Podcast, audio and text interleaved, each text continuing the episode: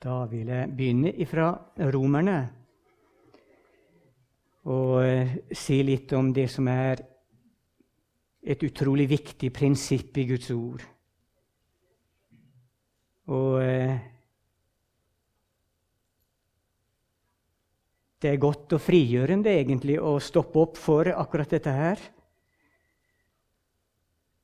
Og jeg skal begynne å lese fra kapittel 10. Og der er noen veldig kjente ord i det kapitlet. Og jeg kan begynne ifra vers 6. Men rettferdigheten av tro, den sier, si ikke i ditt hjerte, hvem skal fare opp til himmelen, det vil si for å hente Kristus ned?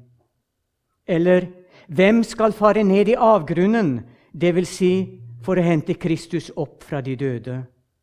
Men hva sier den? Ordet er deg nær, i din munn og i ditt hjerte. Det er troens ord, det som vi forkynner. Med andre ord, Jesus han er ikke langt unna. Han har kommet nær til ved sitt ord og ved Den hellige ånd. Selv om Jesus er der oppe, ja, i himmelen, så er han også så nær i våre hjerter. Og det er utrolig trøstefullt at vi kan få lov til å være et tempel for Han, Den hellige ånd, et tempel for Hans levende ord. Og vi vet jo at i Bibelen så blir Jesus kalt for Ordet. Han er så nært knyttet og helt knyttet til sitt ord. Og ordet tok bolig og tabernaklet seg iblant oss, står det. Og vi så hans herlighet. Og dette ordet, altså Jesus, kan komme oss så nær at han kan bo i våre hjerter. Noen ganger når jeg leser evangelien og ser de utrolige ting som skjer og hører ordene, leser ordene fra Jesu munn, så har jeg tenkt noen ganger å, hvis han hadde vært der fysisk til stede, og vært der blant de som samles om ham, og fikk lov til å høre liksom ifra hans egen munn de livssalige ord. Men Jesus sa det er til gagn for dere at jeg går bort. For han skulle sende talsmannen, Den hellige ånd, som skulle ta bolig i våre hjerter. Og han ville bli oss så nær at det var ikke bare noe utenfor oss, men han ville komme og bo i vår ånd, i vårt hjerte. Og det var det som skjedde på pinsefestens dag, da Gud sendte Den hellige ånd. Og de fikk oppleve den nye pakts frelse, fikk oppleve den nye fødsel, fikk oppleve å bli en ny skapning i Kristus Jesus. Og på mange måter så er vi så utrolig privilegerte, vi som lever i denne tidsalder, og kan nettopp få være et slikt tempel for Han. Å ha Han så nært og eie Han i våre hjerter, det er en stor, stor hemmelighet. For dersom du med din munn bekjenner at Jesus er Herre, og i ditt hjerte tror at Gud reiste ham opp fra de døde, da skal du bli frelst. Det lyder så enkelt. Og fra Guds sin side så er det jammen enkelt. For det er snakk om en gave ifra Han. En kjærlighetsgave ifra Gud. Så kan vi da åpne oss opp for dette ordet, slik at det blir nær i vår munn og i, vårt hjerte. Og så kan vi få lov til å tro på det og regne med det og stole på det og ha tillit til Gud og sannheten som vi finner her. Og Jeg husker når jeg ble en kristen og begynte å bekjenne hva jeg hadde tatt imot så kjente jeg på en sånn stille glede i mitt hjerte hver gang jeg åpnet munnen min og på en måte måtte si ifra at jeg var blitt en kristen. Husker min bror var en av de første, og også en annen, en kamerat. Og spesielt han kameraten han var eh, sånn anti, imot kristendommen og Jesus. Og skjelvende så fikk jeg formidla at jeg hadde tatt imot Jesus. Og da kom, så var Den hellige ånd der og sanksjonerte med en stille glede og en stille fred. Det er noe med det å bekjenne òg, det vi har tatt imot i våre hjerter, og det vi tror på. Da blir vi styrket innvendig. Og det er viktig. Med hjertet tror en til rettferdighet, og med munnen bekjenner en til frelse. Vers 13.: For hver den som påkaller Herrens navn, skal bli frelst. Men hvordan kan de påkalle en som de ikke er kommet til tro på? Og hvordan kan de tro på en som de ikke har hørt om? Og hvordan kan de høre uten at det er noen som forkynner? Jeg er så glad for og takknemlig at Gud stanset meg opp ved at jeg fikk høre evangeliets ord. At det var noen som formidlet det til meg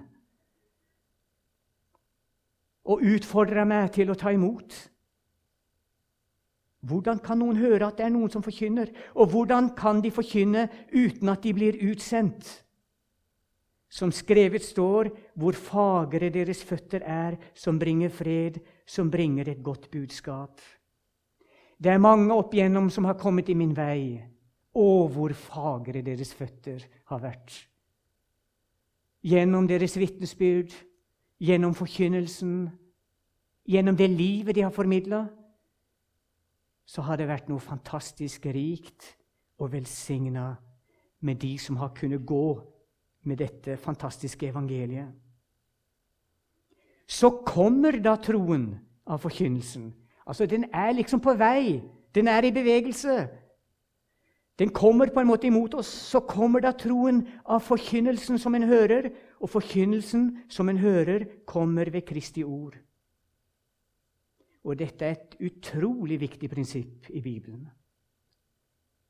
Og Derfor er det om å gjøre at vi stiller oss hen, eller oppsøker Guds ord gjennom å lese det i bønnen, i lovprisningen og lovsangen, blant de hellige, i eh, nadverden og disse tingene Gud har gitt oss, å, en, som en mulighet til å, å løfte blikket og se på ham og ta imot disse livgivende ord. Og Da blir det også så viktig disse ordene i hebreerne om at ordet er skarpere enn noe tveget sverd.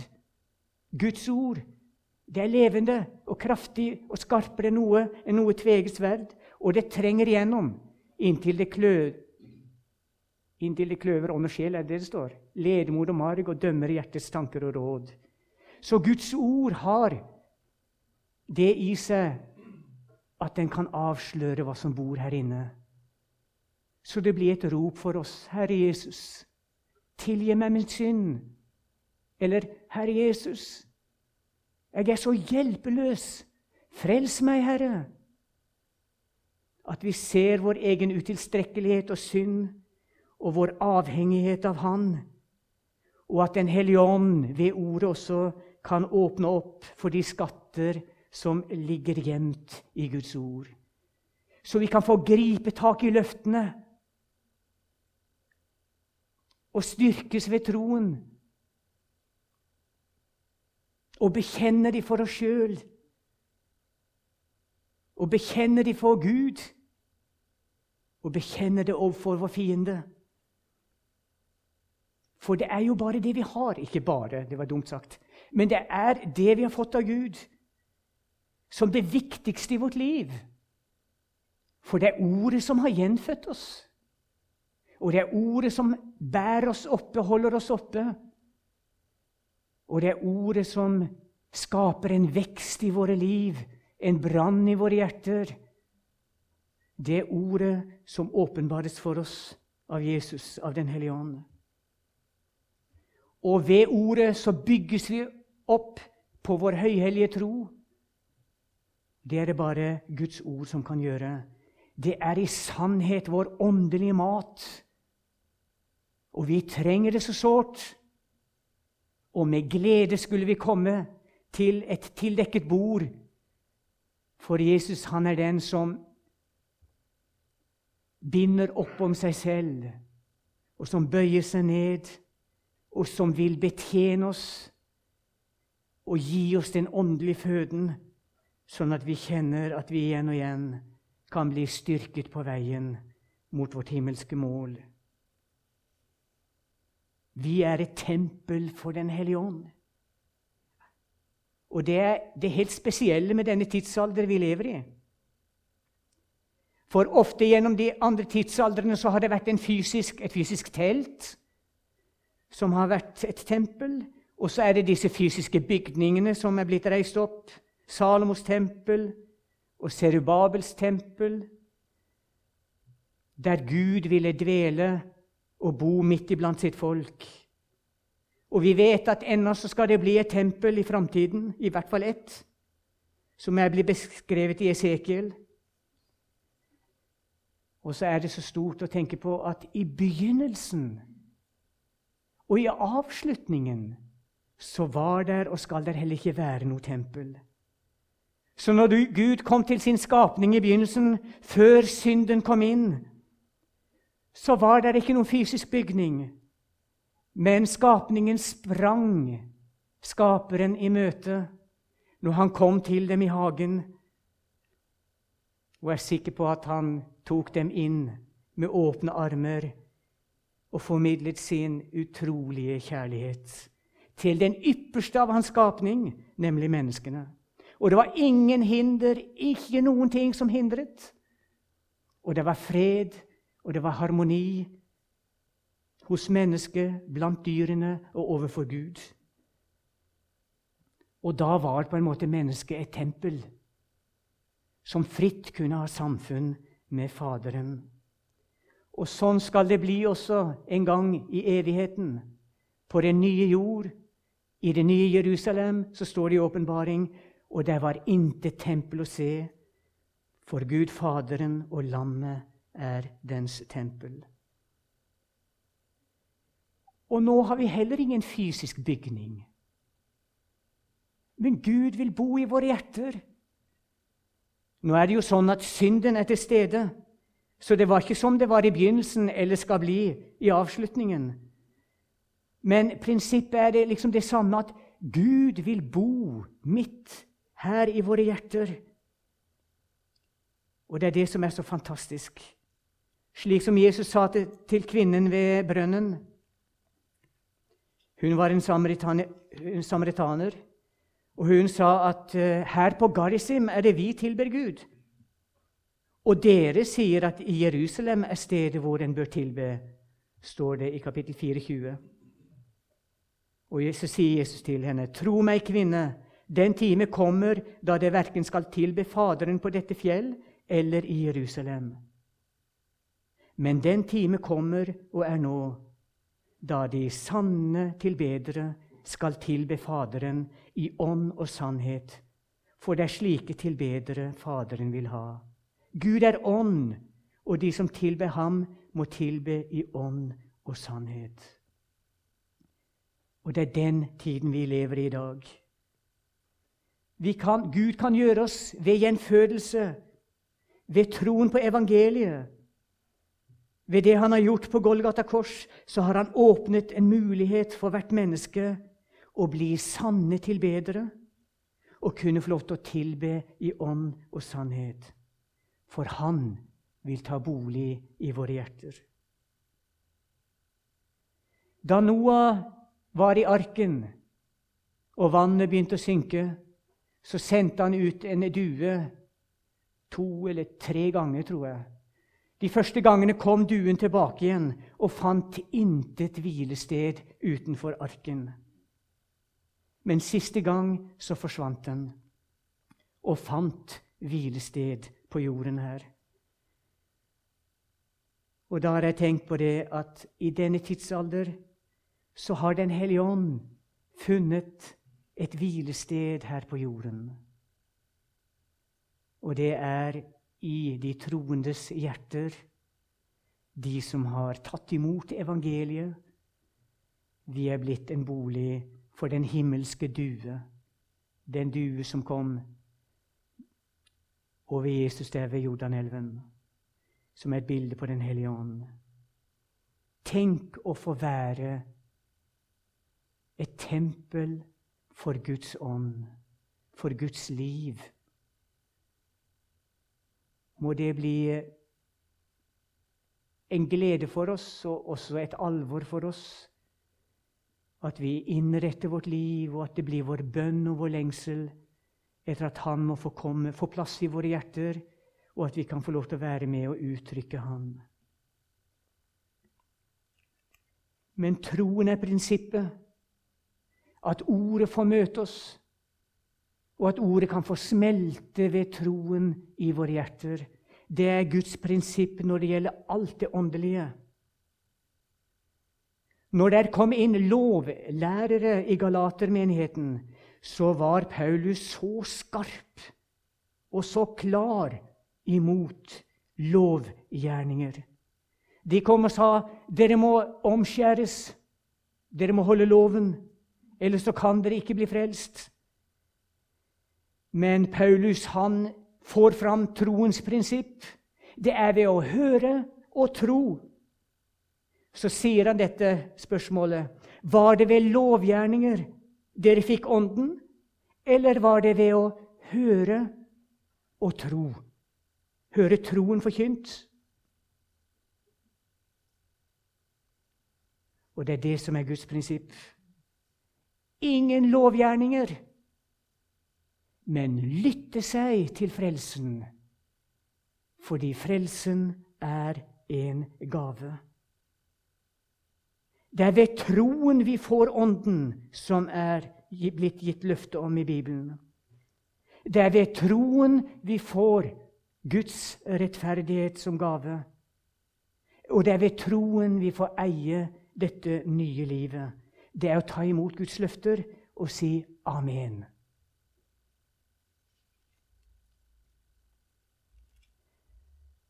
Og det er mange eksempler i Bibelen på at det var ved at de trodde Guds ord og trodde Guds løfte, at Gud erklærte dem rettferdig. Slik som i Romerne 4. Hva skal vi da si at vår far Abraham oppnådde etter kjødet? For dersom Abraham ble rettferdiggjort på grunn av gjerninger, da har han jo noe å rose seg av. Men det har han ikke for Gud. Abraham erkjente sin synd, sin utilstrekkelighet, og han satte sin lit og sitt håp til det Gud formidlet til han av hans løfter. Abraham trodde Guds løfte og det ble tilregnet ham som rettferdighet. Den som har gjerninger, får ikke lønn av nåde, men som noe han har fortjent. Den derimot som ikke har gjerninger, men tror på ham som rettferdiggjør den ugudelige. Er ikke det et sterkt ord? Han rettferdiggjør hvem da? De som har gjerninger å rose seg av innenfor Gud, Nei, det er de som er ugudelige, men som tror det han har å gi. Han får sin tro tilregnet som rettferdighet. Og slik er det med David òg. Han kommer ikke fram for å få sin ros av sine gjerninger. Og Det er mulig at uh, Salme 32 nå husker jeg ikke det, om det var skrevet i forbindelse med hans synd overfor uh, Batseba og mannen hennes. Men i hvert fall så sier David Salig er de, de som har gjerninger. Nei, som har fått sine overtredelser tilgitt og sine synder skjult. Salig er den mann som Herren ikke tilregner synd. Og du husker sikkert den lignelsen eller fortellingen Jesus sa om disse to menneskene i tempelet. Om fariseeren og tolleren. og om fariseeren som ytret seg slik, noenlunde slik overfor Gud. Jeg har gjort det, og jeg har gjort det. Og så står det en annen, en toller, som var en foraktet yrkesgruppe i Israel. Det var jøder som gikk i tjeneste for romerne. Og denne slo seg for sitt bryst og sa og ba så tydelig om tilgivelse. Jeg fattige synder, sa han om seg selv. Og det var han som gikk rettferdig gjort hjem til sitt hus. Ingen lovgjerninger. Det er helt lukket ute. Men det er ved å ta imot Guds gave, ved tro, så får en del i det, og ved at en bekjenner det en har tatt imot. Og det er heller ingen religiøse handlinger som ligger til grunn for frelsen. For det står i vers 10.: Hvordan ble den, altså Guds rettferdighet, tilregnet Abraham? Skjedde det etter at han var blitt omskåret, eller da han var uomskåret? Ikke da han var omskåret, men da han var uomskåret. Altså, Abraham var rettferdig for Gud på grunn av troen på Guds løfte før Gud innstiftet den første religiøse handling, hvis en kan si det sånn, nemlig omskjærelsen. Så da bygger det ikke på det heller. Men det bygger på troen alene. Og Paulus han stadfester det så sterkt på den måten han sier i 1. Korintene 1,17.: For Kristus har ikke utsendt meg for å døpe. Det var ikke der frelsen lå, men han har utsendt meg for å forkynne evangeliet. Der ligger kraften, og der ligger frelsen. Nå er Guds rettferdighet, som loven og profetene vitner om, blitt åpenbart uten loven. Den holder vi vekke. Og det er Guds rettferdighet ved tro på Jesus Kristus til alle og over alle som tror. For det er ingen forskjell. Alle har syndet og mangler Guds herlighet, og de blir rettferdiggjort for intet av Hans nåde ved forløsningen i Kristus Jesus. Det er en gave ifra Gud, som det står i kapittel 5 i Romerne, men med nådegaven, altså Jesus, er det ikke som med fallet. For er de mange døde av den enes fall, så er mye mer Guds nåde og nådens gave i det ene mennesket, Jesus Kristus, blitt overmåte rik for de mange. En gave, det er noe som blir gitt uten noen som helst krav. Og den er gitt i kjærlighet, og den må tas imot uten å skulle fortjene det eller gjøre noe for det. Det er i sannhet en gave. Og slik er også frelsen. Nådegaven kom etter mange overtredelser og ble til frifinnelse. Og så står det om å motta nådens og rettferdighetsgavens overstrømmende rikdom. Og i dette er det sannlige rikdommer. Jeg vil ta et eksempel til fra kapittel 10 fra Apostlenes gjerninger om troens prinsipp å lytte og ta imot Guds løfte. Og det er Kornelius. Eh, han var kanskje den første hedning som fikk oppleve den nye pakts frelse. Det står han var en from mann og fryktet Gud med hele sitt hus. Og han ga mange almisser til folket og ba alltid til Gud. Altså, Han trodde på jødenes Gud. Og det er tydelig at han hadde lengsler der. En lengsel etter noe og en iver etter å skulle tjene Han.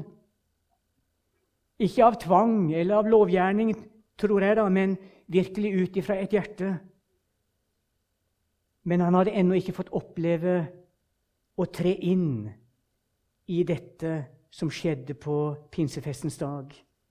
Men også hedningen Kornelius skulle få oppleve storheten i evangeliet. Han fikk besøk av en engel, og engelen sa, 'Du må tilkalle Peter. Send bud på ham i Joppe.' Og så står det, så sier engelen, 'For han skal tale ord til deg, som du skal bli frelst ved, du og hele ditt hus.' Han skal tale ord til deg som du skal bli frelst ved. Så det var ikke engelen som skulle formidle evangeliet. Nei, Gud bruker mennesker som har fått oppleve syndenes forlatelse, som har fått oppleve dette nye livet i sitt hjerte. De er det han bruker. En Peter ble sendt til Kornelius. Og da står det slik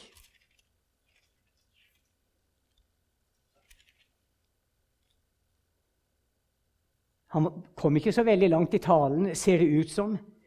Men Peter sier det at ham, altså Jesus, gir alle profetene det vitnesbyrd at hver den som tror på ham, får syndenes forlatelse ved hans navn. Og mens Peter ennå talte disse ord, så falt Den hellige ånd på alle dem som hørte ordet. Og de ble fylt av Den hellige ånd og de begynte å tale se Tale i tunger og lovprise Gud. Hva var det som skjedde? De satt der. De lyttet til Guds levende ord, virkekraftige ord. Og de fikk høre om en Jesus som kunne tilgi synd. Og de åpnet hjertet sitt for det, og de tok imot. Og så fikk de livet i gave. De fikk Den hellige ånd, og så brister de ut i lovprisning til Han som har gitt dem denne fantastiske gaven som tilgivelsen er.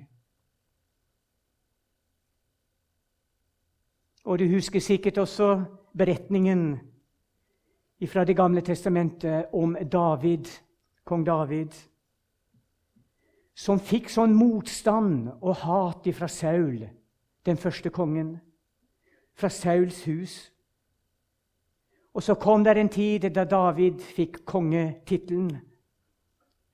Og så ville han gjøre miskunnhet imot dette opprørske huset. Og det var for Jonathans skyld. Altså Det var sønnen til Saul som David fikk et så fort, fortrolig samfunn med og et fortrolig vennskap med. På grunn av Jonathan så ville David forbarme seg over Sauls hus, denne opprørske kongen som vek ifra Gud. Og så fant de en, og det var Mefiboset. Og han hadde skada seg under flukt. Det var en fostermor der som hadde tatt han opp på ryggen, ettersom jeg husker det. Og så sprang de, og så falt de, og så skada han seg sånn at han ble lam i begge beina. David ville gjøre miskunnhet. Og så inviterer han da Mefiboset til å bo hos seg, til å sitte ved hans bord, til å betjene han resten av livet. Denne lamme Mefiboset. Og jeg tenker Sånn er det med oss òg. Vi er åndelig lamme og ubrukelige overfor Gud. Og det er så nyttesløst i å skulle komme frem for Han med våre gjerninger. For våre såkalte gode gjerninger det er som et skittent klesplagg i hans sine øyne. Men vi er blitt invitert av Gud, som står der med åpne armer og tar imot alle syndere som omvender seg til Han. Og så blir vi plassert ved hans bord, og så får vi oppleve samfunnet med han. Og det er det største som finnes på jord. Og jeg er så glad for min egen del at det var nettopp dette prinsipp som nådde meg en dag. At jeg kunne få lov til å være sammen med kristne. Jeg fikk høre de leste fra Bibelen. Jeg fikk høre de i bønnen. Jeg fikk høre evangeliets ord. Og så fikk jeg lov til å ta imot og tro evangeliet. Og det var veldig godt etter hvert da, når denne troen ble forsterket og stadfestet i mitt hjerte. Når jeg igjen og igjen fikk malt Kristus som korsfestet, og at det var for min skyld at han hang der. At det var for min skyld at Guds vrede rammet ham. Og kunne merke den gleden og den vissheten som etter hvert kom i mitt hjerte. Og det er ikke et tilbakelagt stadium, evangeliet. Det er ikke noe vi fikk høre en gang, og så går vi videre på noe annet. Men det er en kilde til glede igjen og igjen. At det er ikke ved lovgjerninger eller ritualer eller noen ting. Det er å åpne seg opp for Han og løftene i Hans ord. Og så skjer det store under.